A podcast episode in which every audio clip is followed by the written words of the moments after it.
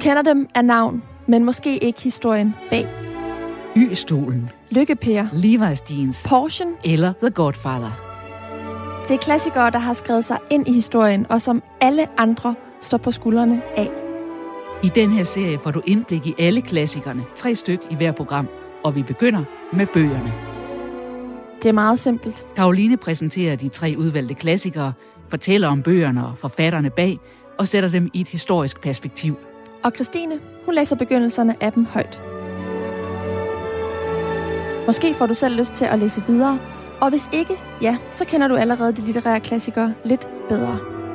Mit navn er Christine Sølling Møller. Og jeg hedder Karoline Kjær Hansen. Velkommen til Klassikerne. En gang imellem, ja, faktisk ret så ofte, så tænker jeg, at jeg ikke kan få det hele. Jeg kan ikke både lave radio de fleste af mine vågne timer, være en god kæreste, have mange gode venner, gå op i at få dyrket motion og holde mit hjem rent og pænt. Det hele, det kan simpelthen ikke lade sig gøre på samme tid, tænker jeg. Det er måske ikke så mærkeligt, at jeg og også rigtig mange andre af det min overbevisning jævnligt tænker sådan. Verdenshistorien er nemlig fuld af fortællinger om, at det koster, hvis man er ambitiøs. Og i dag, så er det de fortællinger, vi her i klassikerne dykker ned i. For dagens tema, det er ambitionernes pris. Jeg har tre klassikere med, som jeg først vil fortælle lidt om, før Christine læser begyndelserne af dem højt. De handler alle tre om at drømme stort, men at blive udfordret enten indefra eller udefra. En roman, som for nylig rodfæstede sig i mange danskers bevidsthed som en stor fortælling, da Bille August filmatiserede den i 2018 med den unge, fremadstormende skuespiller Esben Smed i hovedrollen. Er det med glæde, vi kan meddele, at de er optaget på Polyteknisk Læreranstalt? Mit projekt går i sin grundtanke ud på at anlægge et havne- og fjordreguleringssystem igennem Jylland, der skal forbinde de to have skabe en hurtigere trafik af vandveje, der kan fremme Danmarks mulighed for at blive en moderne industrination. Hør her, Acidenius. Når man er så ung som de, så skal man ikke have anden agerighed end netop den at ville lære. Jeg hører, at de er på udkig efter genier. præcis en som dem, samfundet trænger til. En, der hæver sig op over småligheden. En, der beviser, at det unikke og det banebrydende er muligt. Herr Salomon kan måske forestille sig hele byer oplyst af elektrisk lys, som vi har høstet fra, øh, fra vinden her. Der skulle en verdenserobre i dig, var. Rigtig lykke, Per. Det her, det kan være mit livs chance.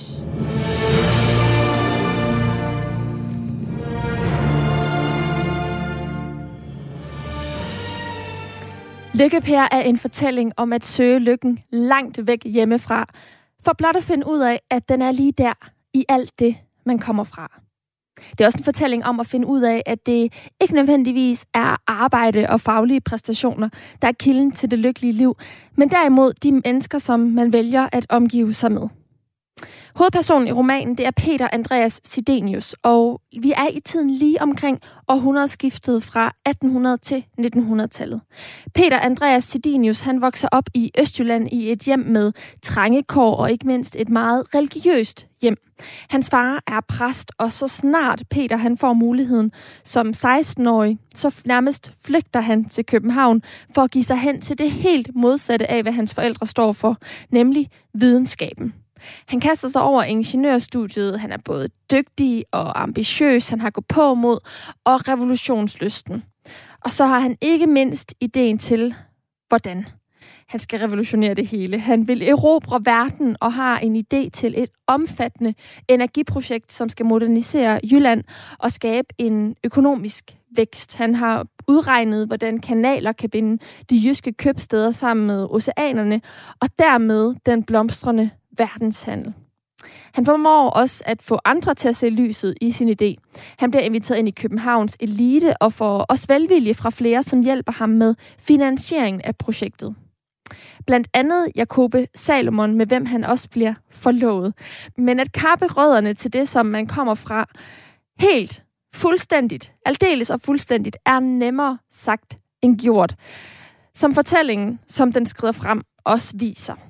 Fortiden indhenter nemlig Peter Andreas Sidenius. Da Sidenius på et tidspunkt vender hjem til Jylland for at begrave sin mor, ender han med at blive og tager faktisk ikke tilbage til København. Forlovelsen med Jakobe hæver han, og han gifter sig i stedet for med en fra sin egen rang, en præstdatter ved navn Inger. Nu skulle man tro, at øh, det her det var moralen, at Lykkepær er en klassisk hjem ude hjem fortælling, hvor rejsen ude blot er lidt længere end normalt i det her tilfælde. Men det er det ikke. Peter Andreas Sidenius kan trods sin udrejse fortsat ikke finde fodfæste i de her gamle præstegårdsrammer i Østjylland. Han ender med endnu en gang at forlade en kvinde, Inger i det her tilfælde, og slår sig ned på den yderste kant af Jylland, hvor han må arbejde som vejeassistent i byen Akker. I stedet for at lave verden om, som han ellers drømte om, så ender han med at passe på den, som den er. Men hvad han har mistet udad til, det har han altså vundet indad, indad til, for ambitionerne kan han ikke holde øh, i skak, viser slutningen. Der er mange, mange ligheder mellem Peter Andreas Sidenius og Henrik Pontoppidan, som skrev romanen tilbage i øh, slutningen af 1800-tallet. Henrik Pontoppidan han blev født i 1857 i den jyske by Fredericia, hvor hans far var præst ved Trinitatis Kirke allerede som barn, der øh, var det klart, at Henrik Pontoppidan, han var rigtig dygtig til både matematik og praktisk håndværk, mens hans evner inden for de humanistiske fag, altså litteratur, sprog, var lidt mere begrænset. Og kristendommen, som var meget fremtrædende i hjemmet, tog han stor afstand til. Blandt andet ved i 1873 at rejse til København for at uddanne sig til ingeniør ligesom Peter Andreas Sidinus han gør det. Han bestod uden problemer optagelsesprøven til Polyteknisk Læreranstalt og gennemførte planmæssigt studiets første del. Men til stor overraskelse for sine omgivelser, så sprang Pontoppidan fra studierne umiddelbart før den afsluttende eksamen. Og grunden til, at han gjorde det, det var fordi, at han havde fundet ud af, at han ville være forfatter. Uden egentlig at have et sikkerhedsnet under sig. Så for at få smør på brødet, så blev Pontoppidan først højskolelærer i Frærslev og senere i Hørlunde. Han giftede sig i forsøget på at leve et lidt mere folkeligt og alment accepteret liv med en kvinde fra landet, og de stiftede familie, og Pontoppidan han udgav sine første litterære værker. Men under al den her idyll, der lurede katastrofen. Et af hans øh, børn døde, og ægteskabet, de, det havde sådan nogle indbygget konflikter, altså nogle konflikter, som de aldrig kom til livs. Så Pontoppidan, han endte med at forlade sin familie og flytte tilbage til hovedstaden for at give sig helt hen til sin øh, tilværelse som forfatter og, og journalist. Han debuterede i 1881 med en novelle med titlen Et uendeligt. Og herefter så udgav han en række mindre værker, før at hans absolute hovedværk, som er det, jeg har taler om her i dag, Lykkepær, udkom mellem 1898 og 1906. Når romanen udkom i løbet af flere år, så er det fordi, at Pontoppidan han udgav det sådan som øh, mindre romaner, mindre dele, en form for slags sådan følgetong eller serie, som inden for litteraturen på det her tidspunkt var meget populært. Senere hen, og i den udgave, som jeg står med nu, der blev de her otte bind sat sammen til en kæmpe bog, som nærmest synes større end en mursten. Den er i hvert fald højere længdemæssigt, øh, passer det nok meget godt, men den er altså øh, umiddelbart, vil jeg sige, en smule højere end en mursten. Lige om lidt, så skal vi høre begyndelsen af Lykkepær læst højt af min kollega Christine Sølling Møller. Men inden da, så vil jeg lige knytte et par ord på, hvorfor at den her roman, den egentlig har fået klassikerstatus. Som jeg har nævnt tidligere i programmet her, så bliver en bog kaldet en klassiker, når den rummer en fortælling, der rækker ud over den tid, som den er skrevet i. Altså, den skal fortælle noget mere almengyldigt om mennesket. Og når Lykke så kan siges at gøre det, så er det fordi, at Pontoppidan med karakteren Per Andreas Sedinius viser noget om det moderne menneskes tvetydighed. Nok så er vi rationelle og frigjorte, men vi vil også altid være følelsesmæssigt bundet til det, som vi kommer fra, og ikke mindst er formet af. For nogen så er det nemmere at holde de her følelser i skak end andre, men de vil altid være til stede.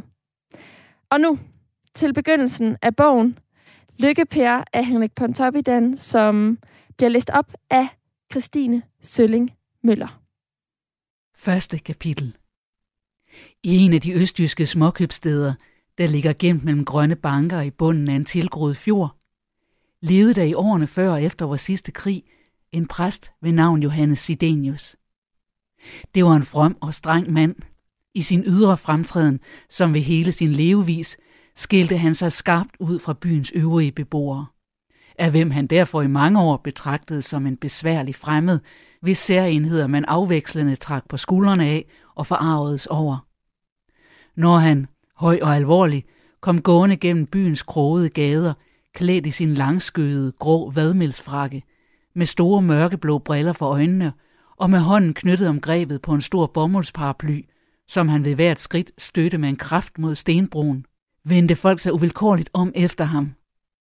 Og de, som sad inde bag vinduerne og holdt udkig i gadespejlet, smilte ved synet eller skar ansigter. Byens storhanser, de gamle bondekøbmænd og studeopdrættere, hilste ham aldrig, end ikke når han var i ornat. Skønt de selv viste sig på gaden i træsko og smussige ladersfrakker, pattene på en pibe, betragtede de det som en skam og skændsel for deres by, at den havde fået en sådan stodderpræst, der gik klædt som en landsbydegn, og vidderlig også havde møje med at skaffe føden til sejr sin redefulde rollinger. Man havde været vant til en ganske anden slags gejstlighed her, til mænd i fine sorte klæder og hvide kammerdus halsbind. Mænd, der også ved deres navn havde kastet glans over byen og dens kirke, og senere var blevet stiftprovster og bisper, men som alligevel ikke havde hovmodet sig af deres fromhed, ikke havde følt sig for gode til at interessere sig for byens værslige anlægner og tage del i borgernes selskabelige forlystelser. Dengang havde den store røde præstegårdsbygning været et gæstfrihedens hjem, hvor man, når man havde afgjort sine forretninger ind hos præsten, blev buden ind i dagligstuen til fruen og de unge frøkner, for ved en kop kaffe, eller, når det var bedre folk, et lille glas vin og en hjemmebagt kage, at slå en passiar af om dagens og byens nyt. Nu betrådte folk ikke præstegården uden tvingende grunde, og aldrig kom man længere end til pastor Sidenius gravkammeragtige studerværelse, hvor gardinerne gerne var rullet halvt ned, fordi præstens øjne ikke tålte genskinnet fra murene over på den anden side af den snævre gade. Her modtog han endda i reglen folk stående, bød dem ikke at sidde ned, affærdigede dem i det hele kort til sydenladende udeltagende, og var netop allermindst indladende over for dem, som mente sig berettiget til at vente særlig hensynstagen. Selv byens embedsfamilier havde ophørt at aflægge visitter i præstegården, efter at det var hændet dem, at pastor Sidenius, i stedet for at byde forfriskninger, havde givet sig til at udspørge dem om deres tro, og i det hele tiltalte dem på en måde, som om de var konfirmanter, der stod på kirkegulvet. En ganske særlig forbidrelse vagte han ved de store borgerbegravelser, til hvilke befolkningen mødte i festligt optog med hornmusik og floromvundne lavsfaner, embedsmændene i guldbaldyrede uniformer og med hanefjer i hattene. Alle efter deres egen mening særlig velstemte til andagt og opbyggelse efter den lette portvinsfrokost i sørgehjemmet. I stedet for en stor tale med den sædvanemæssige lovprisning af den afdøde, indskrænkede pastor Sidenius sig ufravigeligt til fremsigelsen af en bøn, sådan som det ellers kun brugtes over for udøbte børn og fattiglig. Ikke et ord om den hensåredes hederlige karakter og stræbsomme vandel. Ikke en hentydning til hans fortjenester af byens opkomst, til hans opoffrede interesse for brolægningsvæsenet eller det kommunale vandværk. Det var næppe nok, at den afdøde overhovedet blev nævnt ved graven, og det altid kun med tilføjelser som denne usle støvhob eller denne føde for ormene. Og jo større og mere anset den forsamling var, hvor til han talte, jo flere faner og bannere, der smældede i blæsten omkring graven, des kortere blev bønden, des ynkværdigere blev i hans tale de levninger, hvorom man var samlet, så at følget skiltes under en ophidselse, der mere end en gang på lydelig måde havde givet sig luft på selve kirkegården. De eneste af byens folk, der havde deres gang i præstegården, var et par små forvoksede gamle damer fra byens jomfrukloster, samt en bleg langskægget kristusfigur af en skræddersvend, foruden endnu enkelte andre såkaldte vagte af de ubemidledes klasse. Som i pastor Sidenius hjem havde fundet en længe savnet tilflugt i den værslig sindede by. Om nogen egentlig omgang var der dog alene af den grund ikke tale, at fru Sidenius var meget svag, og i de sidste år havde ligget til sengs. Men forresten var pastor Sidenius selv ganske uden anlæg for det selskabelige, og hans tilhængere søgte ham kun i trosanlægner. Derimod mødte de regelmæssigt hver eneste søndag i kirken, hvor de forsamlede sig på en bestemt plads, umiddelbart under prædikestolen, og vagte forarvelse blandt de øvrige kirkegængere ved på en tilskuestillende måde at synge selv de allerlængste salmer, uden en eneste gang at se i salmebogen. Pastor Sidenius tilhørte en elgammel og vidt udbredt præsteslægt, der kunne føre sine aner helt tilbage til reformationen. I fulde tre århundreder var kaldet til gejstlig virksomhed gået som en hellig arv fra fædre til sønner. Ja, til døtrene med, for så vidt som disse i mangfoldige tilfælde havde giftet sig med fædrenes kapellaner eller brødrenes studiekammerater. Her udsprang den bevidste myndighed, for hvilken Desidenius' forkyndelse af gammeltid var bekendt. Der fandtes næppe ret mange sovne landet over, hvor ikke en af slægten en gang i århundredernes løb havde bøjet sindene til lydighed under kirkens lov. Naturligvis, disse mange kirkens tjenere havde ikke alle været lige nidkære. Der havde endda været enkelte temmelig værstligt sindede herrer imellem dem. Folk, hos hvem en kraftig gennem slægtet tilbagetrang levetrang havde givet sig ret ubeherskede udslag. Således levede der i forrige århundrede en vendsysselpræst, Gale Sidenius, der skulle have ført et omstrygende jægerliv i de store skove omkring den jyske ås, hvor han ofte sad på kroen og drak brændevin med bønderne, og som til sidst en påskedag i drukkenskab slog dejen i kirkegulvet, så der sprøjtede blod op på alterduen. Dog langt den overvejende del af slægten havde været fromme kirkens stridsmænd. Flere af dem til lige belæste, ja lærte mænd, teologiske grænskere, der i deres landlige afsondrethed under årenes grå ensformighed havde søgt erstatning for alle afsavn i et stille, indadvendt tankeliv. En inderlig fordybelse i deres egen indre verden, i hvilken de så til sidst fandt tilværelsens sande værdier, dens rigeste lykke, dens egentlige mål. Det var denne i slægten nedarvede ringeagt for alle timelige tings værd, der havde været også Johannes Sidenius værve i livets kamp, og bevarede hans ryg ubøjet og hans sind rank, trods armods tryk og mangeartet modgang. Men han havde i så henseende også haft en god støtte i sin hustru, med hvem han levede det inderligste og lykkeligste samliv, skønt de egentlig ikke lignede hinanden. Også hun var et dybt religiøs gemyt, men i modsætning til sin mand en tungsindig, lidenskabelig natur, hvem livet indgød uro og mørk ængstelse. Oprindelig ubefæstet i troen, som hun havde været det fra sit hjem, var hun under mandens påvirkning blevet en ivrer, hos hvem den daglige kamp for udkommet og de mange barselssenge havde affødt sygeligt overdrevne forestillinger om jordelivets trængsler og kristenmenneskers ansvar og hendes lange sengeleje, de mange år hun siden sin sidste nedkomst havde ligget lammet i den mørke sygestue, endelig den nyligt overståede ulykkelige krig med dens fjendtlige indkvarteringer, dens brandbeskatning og blodige ydmygelser. Alt dette havde ikke bidraget til at gøre hendes syn på livet frejdigere. Skønt hendes mand ofte alvorligt bebrejdede hende, fandt hun aldrig rigtig ro for bekymringsfulde tanker. Endda hun også selv erkendte, at det var en syndig mangel på tillid til forsynets nåde, kunne hun ikke lade være med ved enhver lejlighed at forholde sine børn den yderste nøjsomhed i alt, som en pligt mod Gud og mennesker. Hun kunne oprøres over en forbrydelse, når hun hørte om borgernes levevis der i byen, om deres selskaber med mange retter mad og tre-fire slags vin, om fruernes silkekjoler og de unge pigers guldsmykker. Ja, hun havde endda ondt ved at tilgive sin egen mand, når det engang imellem hente, at han kom hjem fra sin spaceretur med en eller anden beskeden gave, som han med et vist tavst galanteri henlagde foran hende på dynen. Et par roser i et krammerhus, lidt fint frugt, eller en lille krukke ingefærsyltetøj for hendes nattehuste. Vist nok blev hun både glad og rørt for hans opmærksomhed, men hun kunne dog aldrig lade være med at sige, mens hun ømt kyssede hans hænder, du skulle nu dog hellere have lavet være, du gode. I dette hjem opvoksede et kul kønne, lidt kirtelblege børn, 11 i tal, fem lysårede drenge og seks lysårede piger, der alle var let genkendelige mellem byens øvrige ungdom, blandt andet på grund af nogle usædvanlige halskraver, der gav drengene et lidt pigeagtigt og de halvvoksne piger et lidt mandfolkeagtigt udseende.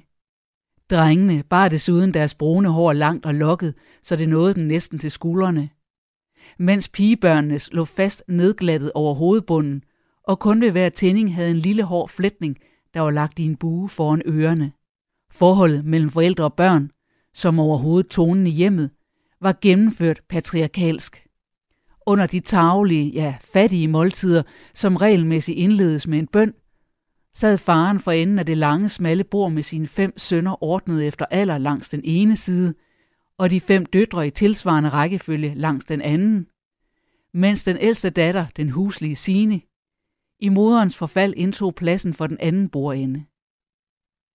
Aldrig faldt det nogen af børnene ind at tale uden at være adspurgt. Men faderen talte ofte til dem om deres skoleundervisning, om deres kammerater og deres lektier, og kom derved gerne ind på selv at fortælle. På belærende måde skildrede han forhold og begivenheder fra sin egen ungdom, fortalte om datidens skolegang, om livet i hans faders og farfaders lærklinede præstegård osv. Under tiden, når han var særlig oplagt, kunne han endda fortælle spøgefulde anekdoter fra sine studenterdage i København, fra regenslivet eller fra studenternes kode løjer med natvægter og politi. Men havde han på denne måde fået børnene til at le, forsømte han aldrig til sidst at give sin fortælling advarslens form og formanende at vende deres sind og tanker mod livets alvor og pligtens bud. Denne store børneflok og navnlig den fremgang, den havde, først i skolen, siden ud i livet, var efterhånden blevet pastor Sidenius' stolthed, og samtidig et med ydmyg taknemmelighed modtaget vidnesbyrd om, at Herrens velsignelse hvilede over hans hus. Det var nu også en opvagt, lærerlysten, frem for alt strengt pligtro ungdom, ægte Sideniuser, der en efter en voksede op i faderens billede. I har slægtet ham på også i alle ydre småtræk, lige til den selvsikre holdning og den taktfaste soldatermæssige gang. Der var kun et af børnene, af hvem forældrene havde sorg. Det var et af de mellemste. En dreng, der hed Peter Andreas. Han var ikke alene uregerlig i skolen, så der til stadig en løb klage over ham. Men allerede i en tidlig alder sporedes der hos ham en overlagt opsætsighed mod hjemmets skik og orden. Han var ikke blevet 10 år, før han nægtede sine forældre lydighed. Og jo ældre drengen blev, des tydeligere åbenbarede der sig hos ham en udæskende, overmodig trods, som hverken tugt eller tvang eller herrens formaning formåede at kue. Pastor Sidenius sad ofte rådløs ved sin hustrus seng og talte om denne søn, der hos dem begge vagte en skræmmende erindring om hin vandslægtede vendsysselpræst, hvis navn stod som præntet med blod på slægtens stamtavle. Og uvilkårligt påvirket af forældrenes holdning, så efterhånden også hans søskende på ham med fremmede øjne og undveg ham sky i deres leje.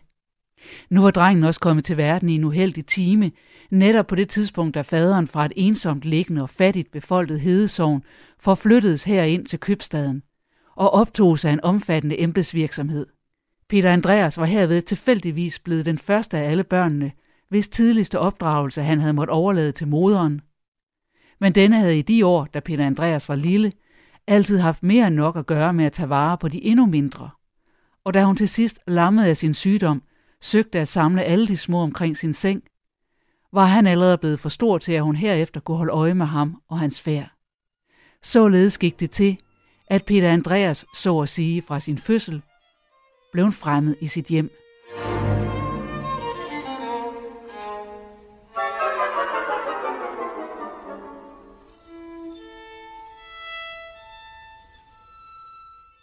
For de nytilkommende lytter, så kan jeg sige, at øh, i lytter til klassikerne her på Radio 4.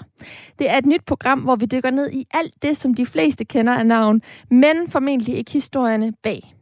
Alle de klassikere, som har skrevet sig ind i vores samlede fælles historie, og som alle andre, altså forfattere, designer og filmskabere, står på skuldrene af. I den her sommermåned, der er det bøgerne, vi dykker ned i. Hver uge, så vælger vi tre bøger under et bestemt tema. Jeg fortæller først lidt om bøgerne, før Christine hun læser begyndelsen af bøgerne højt. Og måske så får du lyst til at læse videre selv. Om ikke andet, så lærer du i hvert fald klassikerne lidt bedre at kende. I den her uge, der er temaet ambitionernes pris. Og vi bliver i Danmark med den næste bog i stakken. Det er nemlig romanen Gift af Tove Ditlevsen. En forfatter, som aldrig fik en stor anerkendelse i sin samtid i midten af 1900-tallet, men som til gengæld virkelig er kommet frem i lyset i løbet af de seneste år. Ikke mindst i udlandet, hvor tre af hendes bøger for nylig han er nået til, fordi de er blevet udgivet på engelsk. Mere bestemt så drejer det sig om bøgerne Barndom, Ungdom og Gift, som på engelsk bliver kaldt The Copenhagen Triology. Også på dansk, så er de her tre bøger for nylig udkommet i en smuk, smuk genudgivelse. På forsiden af Gift, som altså er den sidste i den her trilogi, og som er den, vi zoomer ind på i dag, der er der et sort-hvidt foto i midten af coveret. På det sidder Tove og ser ultra sej og rå ud i en kort kjole med høje læderstøvler. Væggen bag hende er en kæmpe bogreol, en helt væg dækket af bøger, og på sofaen ved siden af hende sover en øh, kat. Det her læderlook står i kontrast til coverets ellers dominerende farve, som er sådan en sart lyserød. Når det lige præcis er gift af alle Tove Ditlevsens bøger, som jeg har taget med, og som er taget med i den her kategori, Ambitionernes Pris, så er det fordi, at den i særlig grad handler om Tove Ditlevsens vej til det her erhverv som forfatter. Tove Ditlevsen, hun voksede øh, nemlig op i et hjem med fattigdom på Vesterbro i København. Men allerede som 12-årig, så begyndte hun at skrive digte, og kort herefter, så besluttede hun sig faktisk målrettet for at gå efter at blive forfatter. Selvom man skulle tro, at det var de her ydre omstændigheder som fattigdom og i begyndelsen også et manglende netværk, som skulle spænde ben for hende, så bliver det i højere grad noget indre, som Tove hun øh, kæmpede med for at øh, udleve sine ambitioner som forfatter. Tove Ditlevsen, hun havde nemlig et mildt sagt pladesind og til tider også stort stofmisbrug. Og den del af hendes liv beretter hun blandt andet om i Gift. Titlen Gift refererer nemlig ikke blot til det livsstadie, hvor man er gift, altså er i et ægteskab, noget som Tove Ditlevsen blev hele fire gange. Den refererer også til gift i form af stoffer. Og mens pillerne de både var noget, som jo gav hende noget at skrive om, altså se blot på indholdet i, i Gift, der handler om hendes øh, vej til at blive forfatter og omgang med stoffer, blandt andet, så må det også have skabt nogle udfordringer. Altså jeg mener, hun blev gift intet mindre end fire gange.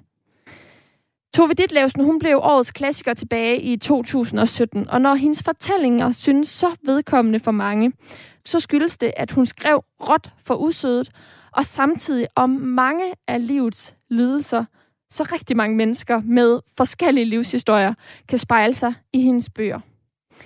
Christine Sølling Møller læser nu de første sider af Gift op, og de begynder med, at Tove Ditlevsens sidder og laver sine første skriverier, der senere hen skal udkomme.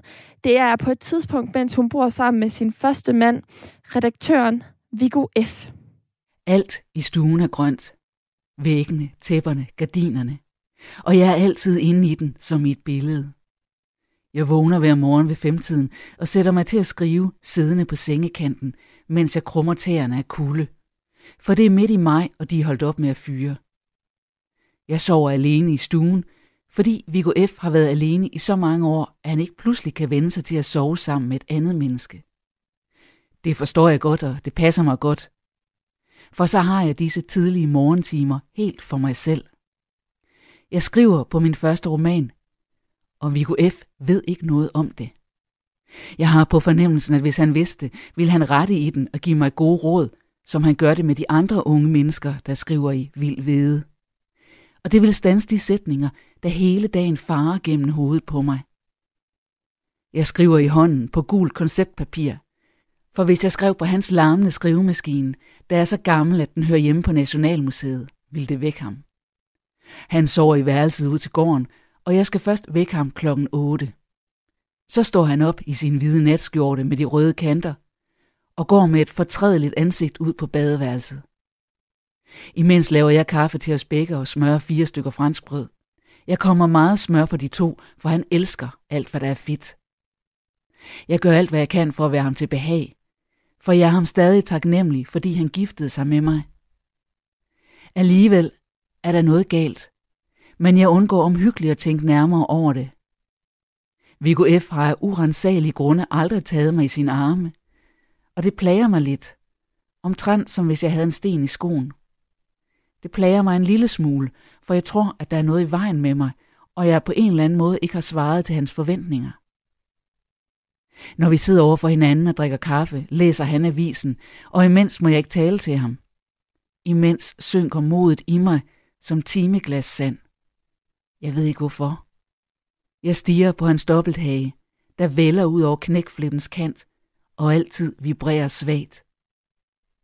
Jeg stiger på hans små, spinkle hænder, der bevæger sig i korte, nervøse ryg, og på hans kraftige grå hår, der ligner en par ryg, fordi det rødmossede, rynkefri ansigt burde tilhøre en skaldet. Når vi endelig siger noget til hinanden, er det små ligegyldige ting. Hvad han vil have til middag, eller hvordan vi skal klare sprækken i mørklægningsgardinet.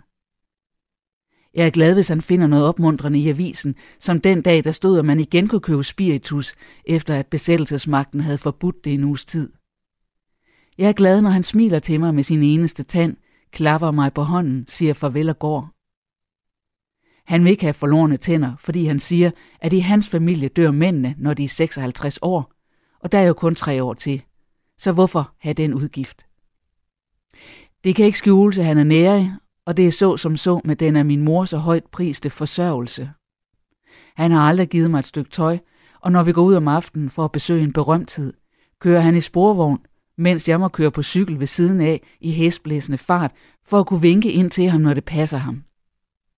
Jeg må føre husholdningsregnskab, og når han ser på det, synes han, at alting er for dyrt. Når jeg ikke kan få det til at stemme, skriver jeg diverse, men det gør han vrøvl over, så jeg passer meget på ikke at overse en udgift. Han gør også vrøvl over, at vi må have formiddagskone, når jeg alligevel går hjem og ingenting bestiller. Men jeg hverken kan eller vil gøre rent, så der var han nødt til at bøje sig. Jeg er glad, når jeg ser ham skrue over den grønne plæne hen imod sporvognen, der holder lige uden for politistationen. Jeg vinker til ham, og når jeg vender mig bort fra vinduet, glemmer jeg ham helt, indtil han dukker op igen. Jeg tager brusebad og ser mig i spejlet og tænker på, at jeg kun er 20 år, og det er som om, vi har været gift en menneskealder. Jeg er kun 20 år, men jeg føler, at livet uden for disse grønne stuer, for andre mennesker farer afsted, som til lyden af pauker og trummer, mens dagene falder på mig så umærkeligt som støv. Den ene akkurat ligesom den anden. Når jeg har klædt mig på, taler jeg med fru Jensen om middagsmaden og skriver en liste over, hvad der skal købes ind. Fru Jensen er formelt og indadvendt og lidt fornærmet over, at hun ikke mere kan gå her alene, som hun er vant til. Pjat, mumler hun, at en mand i hans alder gift sig med en ung pige. Hun siger det ikke så højt, at jeg behøver at svare på det, og jeg gider heller ikke høre efter, hvad hun siger. Jeg tænker hele tiden på min roman, som jeg har titlen på, uden egentlig at være klar over, hvad den skal handle om. Jeg skriver bare, og måske bliver det godt, måske ikke. Det vigtigste er, at jeg føler mig lykkelig, når jeg skriver, som jeg altid har gjort. Jeg føler mig lykkelig og glemmer alting omkring mig, indtil jeg må tage min brune skuldertaske og gå i forretninger. Så gribes jeg igen af morgenens dunkle forstemthed. For jeg ser ikke andet i gaderne end elskende par, der holder hinanden i hånden og ser hinanden dybt i øjnene. Synet er mig næsten uudholdeligt. Jeg tænker på, at jeg endnu aldrig har været forelsket. Undtagen et kort øjeblik for to år siden, da jeg gik hjem fra Olympia sammen med Kurt, da dagen efter skulle rejse til Spanien for at deltage i borgerkrigen. Måske er han død nu. Måske er han kommet hjem og har fundet sig en anden pige. Måske havde det slet ikke været nødvendigt for mig at gifte mig med Viggo F. for at komme frem i verden. Måske gjorde jeg det kun, fordi min mor så frygtelig gerne ville have det. Jeg stikker en finger i kødet for at føle, om det er mørt. Det er noget, min mor har lært mig. Og jeg skriver op på min lille seddel, hvad det koster, for jeg kan ikke huske det, når jeg kommer hjem. Når indkøbene er overstået, og fru Jensen er gået, glemmer jeg igen det hele for at klapre på maskinen, nu var det ikke forstyrrer nogen. Min mor kommer tit og besøger mig, og så kan vi blive meget pjankede sammen. Et par dage efter jeg var blevet gift, lukkede hun klædeskabet op og undersøgte Viggo F's tøj. Hun kalder ham Viggo mand, for lige så lidt som andre kan hun sige Viggo til ham. Jeg gør det jo heller ikke, for der er noget helt fjollet ved det navn, hvis der ikke er tale om et barn. Hun holdt alt hans grønne tøj op mod lyset, og hun fandt et sæt, der var så møllet, at hun påstod, at han ikke kunne bruge det mere. Det kan fru Brun sy en kjole af til mig, fastslog hun. Det har aldrig nyttet det mindste at sætte sig imod det, når min mor får sådan et indfald, og jeg lod hende uden modstand drage afsted med tøjet, i håb om, at Viggo F. ikke ville spørge efter det. Nogen tid efter besøgte vi dem. Det gør vi ikke ret tit, For der er noget ved hans måde at tale med mine forældre på, jeg ikke kan holde ud. Han taler højt og langsomt, som til evnesvage børn, og leder omhyggeligt efter emner, han går ud fra og interessere dem. Vi besøgte dem, og pludselig stak han en albue fortroligt i siden på mig. Det er pudsigt, sagde han, og snodede sit overskæg mellem tommel og pegefinger. Men har du lagt mærke til, at stoffet i din mors kjole fuldstændig ligner det tøj, jeg har hængende hjemme i skabet? Så styrtede min mor og jeg ud i køkkenet for at grine ud. Jeg holder af min mor i denne tid, for jeg nærer ikke mere nogen dybe og smertelige følelser for hende. Hun er to år yngre end sin svigersøn, og de taler aldrig om andet end om, hvordan jeg var som barn. Jeg kender slet ikke mig selv, når min mor omtaler sin indtryk af mig, og det er som om, det er et helt andet barn, der er tale om. Når min mor kommer, stuer jeg romanen væk i min aflåste skuffe i Vigo F's skrivebord. Laver kaffe og drikker den sammen med hende, mens vi taler hyggeligt sammen. Vi taler om, hvor godt det er, at min far om sider har fået fast arbejde på Ørstedværket. Og med min hoste taler vi om alle de alarmerende symptomer fra min mors indre organer, som har havet hende lige siden tante Rosalia døde. Jeg synes, min mor stadig er køn og ungdomlig. Hun er lille og slank, og hendes ansigt er ligesom Viggo F's næsten uden rynker. Hendes permanentede hår er lodden som en dukkes, og hun sidder altid yderst på en stol, meget rank i ryggen, og med hænderne om taskens hank. Hun sidder, som tante Rosalia altid gjorde, når hun kun havde i sinde at blive et lille øjeblik, og først gik efter flere timers forløb. Min mor går, inden Viggo F. kommer hjem fra brandforsikringen, for så er han gerne i mørkt lune og bryder sig ikke om, at have nogen. Han hader det kontorarbejde, han udfører, og de mennesker, der dagligt omgiver ham. Han har, synes jeg, noget imod alle mennesker, hvis ikke de lige netop er kunstnere. Når vi har spist og gennemgået husholdningsregnskabet, spørger han gerne, hvor langt jeg er kommet i den franske revolution, som jo skal udgøre mit dannelsesgrundlag. Så jeg sørger gerne for at have læst et par nye sider i den. Når jeg har båret tallerkenerne ud, lægger han sig og blunder lidt på divanen, og jeg ser et øjeblik over mod den blå globus foran politistationen, der oplyser den mennesketomme plads med et glasagtigt skær. Så ruller jeg ned og sætter mig til at læse i Carlisle, til Viggo F. vågner og skal have kaffe. Mens vi drikker den, og hvis vi ikke skal ud og besøge en berømthed, breder der sig en mærkelig tavshed mellem os. Det er som om, vi har sagt alt, hvad vi havde at sige hinanden, før vi blev gift. Og i en lynende fart har opbrugt alle de ord, der skulle have varet de næste 25 år. For jeg tror ikke på det der med, at han dør om tre år. Det eneste, der fylder mig, er min roman. Og når jeg ikke kan tale om den, ved jeg ikke, hvad jeg skal tale om. Lige efter besættelsen, for en måned siden, var Viggo F. meget opskræmt og troede, at tyskerne ville arrestere ham, fordi han havde skrevet en kronik i Socialdemokraten om koncentrationslejrene. Der talte vi meget om den mulighed, og om aftenen kom hans lige så forskræmte venner, der også havde et eller andet på samvittigheden i den retning. Nu lader de til at have glemt den fare, og lever alle videre omtrent, som om ingenting var sket. Hver dag frygter jeg for, at han vil spørge mig, om jeg har fået læst hans manuskript til en ny roman, som han vil sende til Gyldendal. Det ligger inde på hans skrivebord, og jeg har prøvet at læse i det, men det er så kedeligt og langtrukkent og fyldt med knudrede forkerte sætninger, at jeg vist aldrig kommer igennem det. Det er med til at gøre luften mellem os spændt, at jeg ikke synes om hans bøger. Jeg har aldrig sagt det, men heller aldrig rost dem. Jeg har bare sagt, at jeg ikke forstår mig på litteratur. Skønt hvor aftener hjemme er trist og ensformige, foretrækker jeg dem frem for aftenerne med berømthederne. Sammen med dem gribes jeg af generthed og kejtethed, og det er som om min mund er fyldt med savsmuld. Så umuligt er det for mig at svare kvikt på deres mundre bemærkninger. De taler om deres malerier, deres udstillinger, eller om deres bøger, og de læser digte højt, de lige har skrevet. For mig er det at skrive ganske som i barndommen, noget hemmeligt og forbudt, fyldt med skam, noget man lister hen i en krog og gør, når ingen ser det. De spørger mig, hvad jeg skriver på for tiden, og jeg siger ingenting. Viggo F. kommer mig til undsætning. Forløbig læser hun, siger han. Man må læse en hel del for at kunne skrive prosa, og det må jo blive det næste. Han taler næsten om mig, som om jeg ikke var til stede. Og jeg er lykkelig, når vi om sider bryder op. Sammen med berømthederne er Viggo F. et helt andet menneske. Munter, selvsikker, vittig, som han også var det over for mig i den første tid.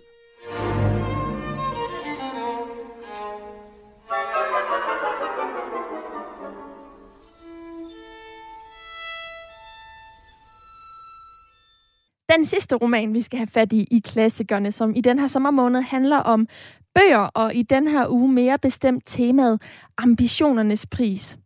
Den er ikke skrevet af en dansk forfatter, ligesom de to foregående, jeg har haft med i programmet her i dag, men derimod en amerikansk forfatter. Det er Francis Scott Fitzgerald, som står bag romanen The Great Gatsby, som også på dansk har titlen Den Store Gatsby. Den Store Gatsby, den udkom i 1925, lige før det store børskrak, og det er en roman, som viser, at penge og økonomisk rigdom ikke udgør det gode liv. Derudover så viser den også, at vejen til økonomisk velstand til med kræver ofringer af det, som er det vigtigste. Kærlighed. I romanen der er vi i et rigmandskvarter lige uden for New York, hvor vores fortæller, den unge børsmaler Nick Carraway, flytter ind i en sundvilla ved siden af rigmanden Jay Gatsby. Nogen tror, at øh, han er gangster, Jay Gatsby her. Andre tror, at han er en hædersmand. Han er mystisk, og alle har svært ved at finde ud af, hvor han egentlig får alle sine penge fra. For han bor meget ekstravagant og holder store, store middager for områdets rigmænd og deres koner. Men bag facaden, ja, der gemmer der sig en ulykkelig og kærlighedshungrende sjæl. På den anden side af sundet bor nemlig Gatsbys ungdomskærlighed, den smukke Daisy Faye. Hun bor i villaen med en mand, en gammelrig polospiller, som dog er hende utro op til flere gange. Vores fortæller Nick Carraway, han arrangerer et møde mellem Gatsby og Daisy, og alle de romantiske følelser vækkes atter til live hos Daisy. Men Daisy, hun kan ikke indfri Gatsbys ønske om at give sig hen til dem. Romanen den ender med flere dødsfald, og Gatsby han bliver billedet på, at den amerikanske drøm er en illusion. Det er en illusion, at man kan, hvad man vil. Fordi uanset hvad Gatsby gør, så kan han ikke skabe et liv sammen med Daisy. Den her kritik af den amerikanske drøm, den faldt ikke i god jord, da romanen den udkom i øh, 1925. Den var et brud med den optimisme og overflod, som ellers gennemsyrede 1920'ernes USA. Det var et USA, som efter afslutningen på Første Verdenskrig befandt sig i en ny tid, hvor mennesket brød med regler og normer og generelt opførte sig, som om der ikke var en dag i morgen. Og det var en tid, som Francis Scott Fitzgerald selv tog del i. En anekdote går på, at han som barn skulle have spurgt sin mor, Mor, når jeg bliver stor, må jeg så godt få alt det, jeg ikke har godt af. Og Fitzgerald fik gennem sit liv umådeligt rige mængder af det, som han ikke havde godt af. Han levede et liv, som var meget lyststyret, og som også fik en bræt ende. Fitzgerald han døde dybt alkoholiseret af et hjertetilfælde i 1940. Han blev knap 44 år gammel. Da den store Gatsby udkom i 1925, der var den faktisk et flop efter de standarder, som Fitzgerald havde sat for sig selv. Det første oplag var udsolgt på nogle uger, men 15 år senere, så var der stadig flere tusinde eksemplarer tilbage af andet oplag. I dag, mange år senere, knap 100 faktisk, der bliver den store Gatsby alligevel regnet for at være et hovedværk i amerikansk litteratur, og den sælger små 300.000 eksemplarer om året. Her får du de første sider læst højt af den altid gode Christine Sølling Møller. Dengang jeg var yngre og mere sårbar, gav min far mig et råd, som jeg har tænkt meget over lige siden. Når du får lyst til at kritisere nogen, sagde han til mig, så husk, at ikke alle mennesker her i verden er lige så begunstiget som dig. Han sagde ikke mere, men vi har altid været ualmindelige med delsomme på en reserveret måde, og jeg forstod, at han mente en hel del mere end det. Som følge heraf er jeg tilbøjelig til at holde min mening for mig selv, en vane, som har åbnet mange sære naturer for mig, men også udsat mig for en hel del forhærdede dødbidere. Det unormale sind opdager hurtigt denne egenskab og klamrer sig til den, når den forekommer hos en normal person. Og det er grunden til, at jeg på universitetet med urette blev beskyldt for at være politiker, fordi jeg var indvidet i vidt løftige, ukendte mænds hemmelige sorger. De fleste betroelser var uopfordrede. Jeg har ofte lavet, som om jeg sov eller var optaget, eller udvist en afvisende ligegyldighed, når jeg ved et umiskendeligt tegn blev klar over, at en privat afsløring dirrede i horisonten. For unge mænds private afsløringer, eller i hvert fald de vendinger, hvor i de udtrykker dem, er sædvanligvis plagiater og skæmmet af åbenlyse fortielser. At holde sin mening for sig selv er et spørgsmål om uendeligt håb. Jeg er stadig lidt bange for at gå glip af noget, hvis jeg glemmer, som min far snobbet antydede, at jeg snobbet gentager, at fornemmelsen for almindelig anstændighed er ulige fordelt ved fødslen. Efter på den måde at have prallet med min tolerance, må jeg dog indrømme, at den har en grænse. Folks opførsel kan bygge på den hårde klippe eller de våde enge, men efter et vist punkt er jeg ligeglad med, hvad den bygger på. Da jeg vendte tilbage fra Østkysten sidste efterår, følte jeg, at jeg ønskede, at verden skulle være uniformeret og i en art moralsk retstilling for evigt. Jeg ønskede ikke flere oprørske strejftog med fortrolig indblik i det menneskelige hjerte. Kun Gatsby, manden som giver denne bog sit navn, var undtaget fra min reaktion. Gatsby, som repræsenterede alt det, jeg oprigtigt foragter. Hvis personlighed er en ubrudt række af vellykkede handlinger, så var der noget storslået over ham. En forstærket følsomhed over for livets løfter, som om han var beslægtet med en af de komplicerede maskiner, der registrerer jordskælv 20.000 km borte. Denne lydhørhed havde intet at gøre med den holdningsløse påvirkelighed, der med et fint navn kaldes kreativt temperament.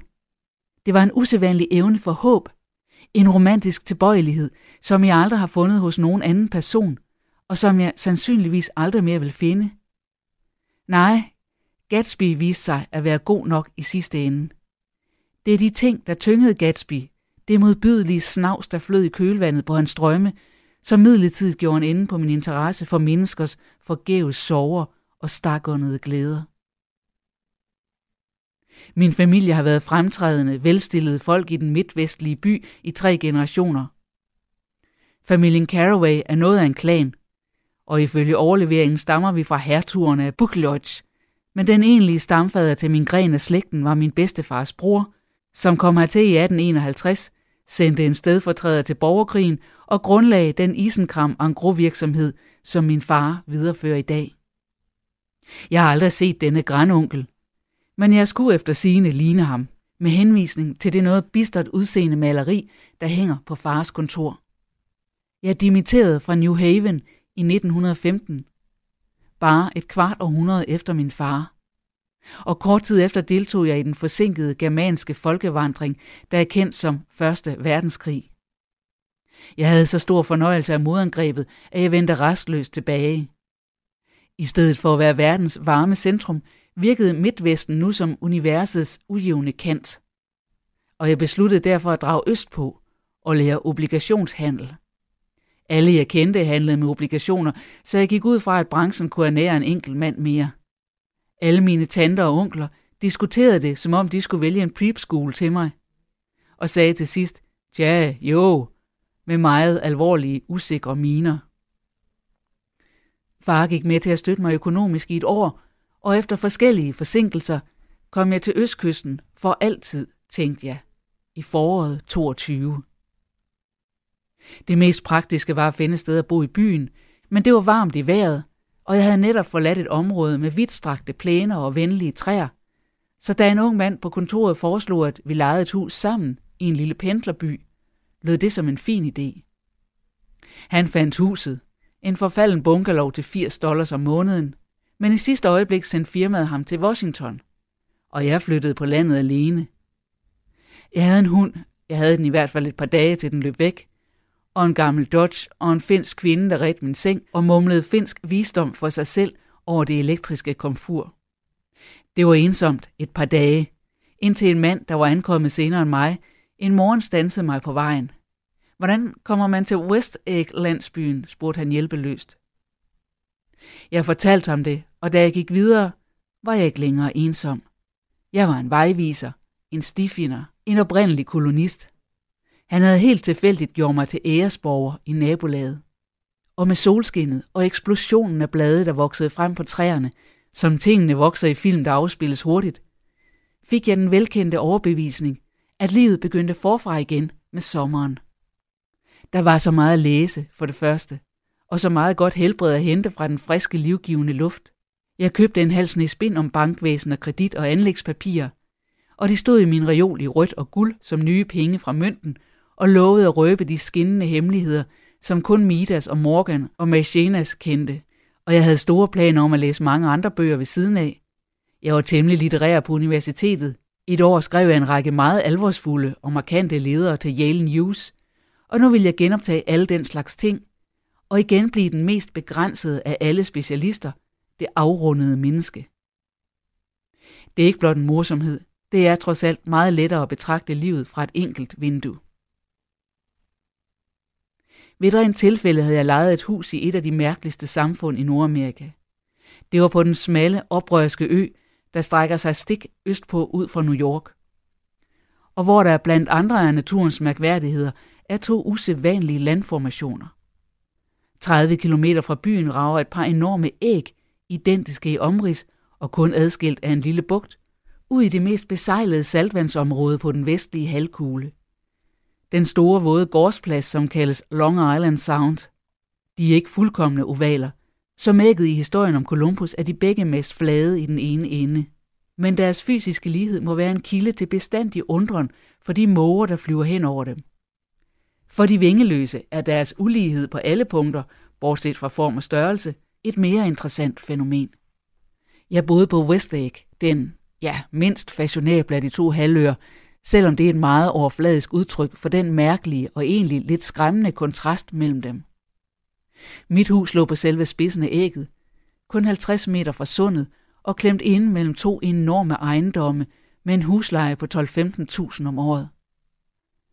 Den på min højre side var en kolossal historie i en hver henseende. Det var en tro kopi af et eller andet Hotel de Ville i Normandiet, med et tårn i den ene side, splinter nyt under et tyndt skæg af bladløs eføj og et svømmebassin i marmor, og mere end 30 tønder land plæne og have. Det var Gatsbys palæ. Eller rettere, der ikke kendte Mr. Gatsby, et palæ beboet af en herre ved det navn. Mit eget hus var en tårn i øjet, men det var en lille tårn, og man havde lavet det være i fred, så jeg havde udsigt over vandet, delvis udsigt over min nabos plæne og den trøsterige nærhed af millionærer. Alt sammen for 80 dollars om måneden.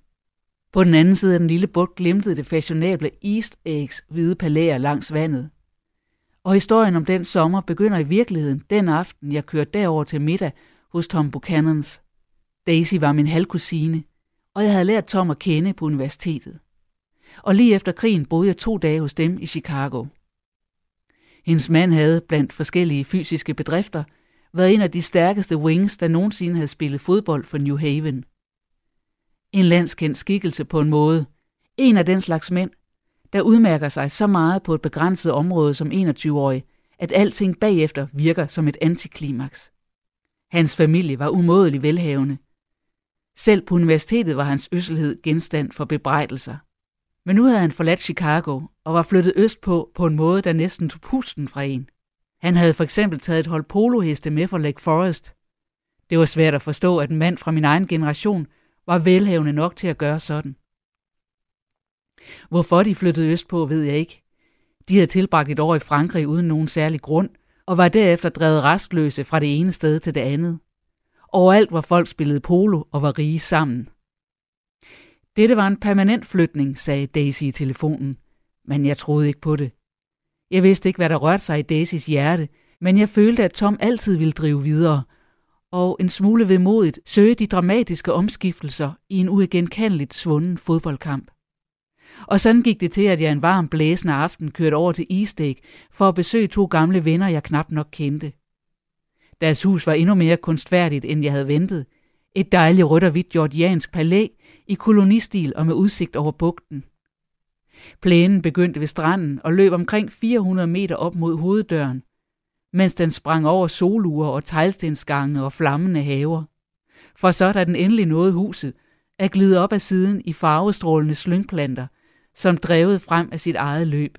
Facaden blev brudt af en række franske døre, som nu glødede med et gyldent skær, og stod vidt åbne i den varme, blæsende aften. Og Tom Buchanan stod i ridetøj med skrevne ben på verandaen foran huset. Han havde forandret sig siden New Haven-årene. Nu var han en kraftig, lyshåret mand på 30 med en temmelig hård mund og en overlegen fason. To skinnende, arrogante øjne dominerede hans ansigt og fik ham til at se ud, som om han altid bøjede sig aggressivt fremad. Selv ikke hans kvindagtigt pralende ridetøj kunne skjule kroppens vældige styrke. Det var som om han udfyldte de blanke støvler, så snørebåndene øverst var ved at sprænges, og man kunne se et stort muskelbund flytte sig, når han bevægede skuldrene under den tynde jakke. Det var en krop, som rummede en enorm styrke. En grusom krop. Hans talestemme, en brysk hæs tenor, øgede det indtryk af pigerlighed, han udstrålede.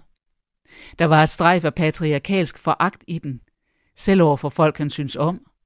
Og der var folk på New Haven, som ikke havde kunne udstå ham. Tro nu ikke min mening er det sidste ord i den sag, bare fordi jeg er stærkere og mere mandig end dig, synes han at sige. Vi var medlemmer af det samme broderskab det sidste studieår, og selvom vi aldrig blev nære venner, havde jeg altid indtryk af, at han holdt af mig, og med en egen barsk, udfordrende vemodighed ønskede, at jeg skulle kunne lide ham.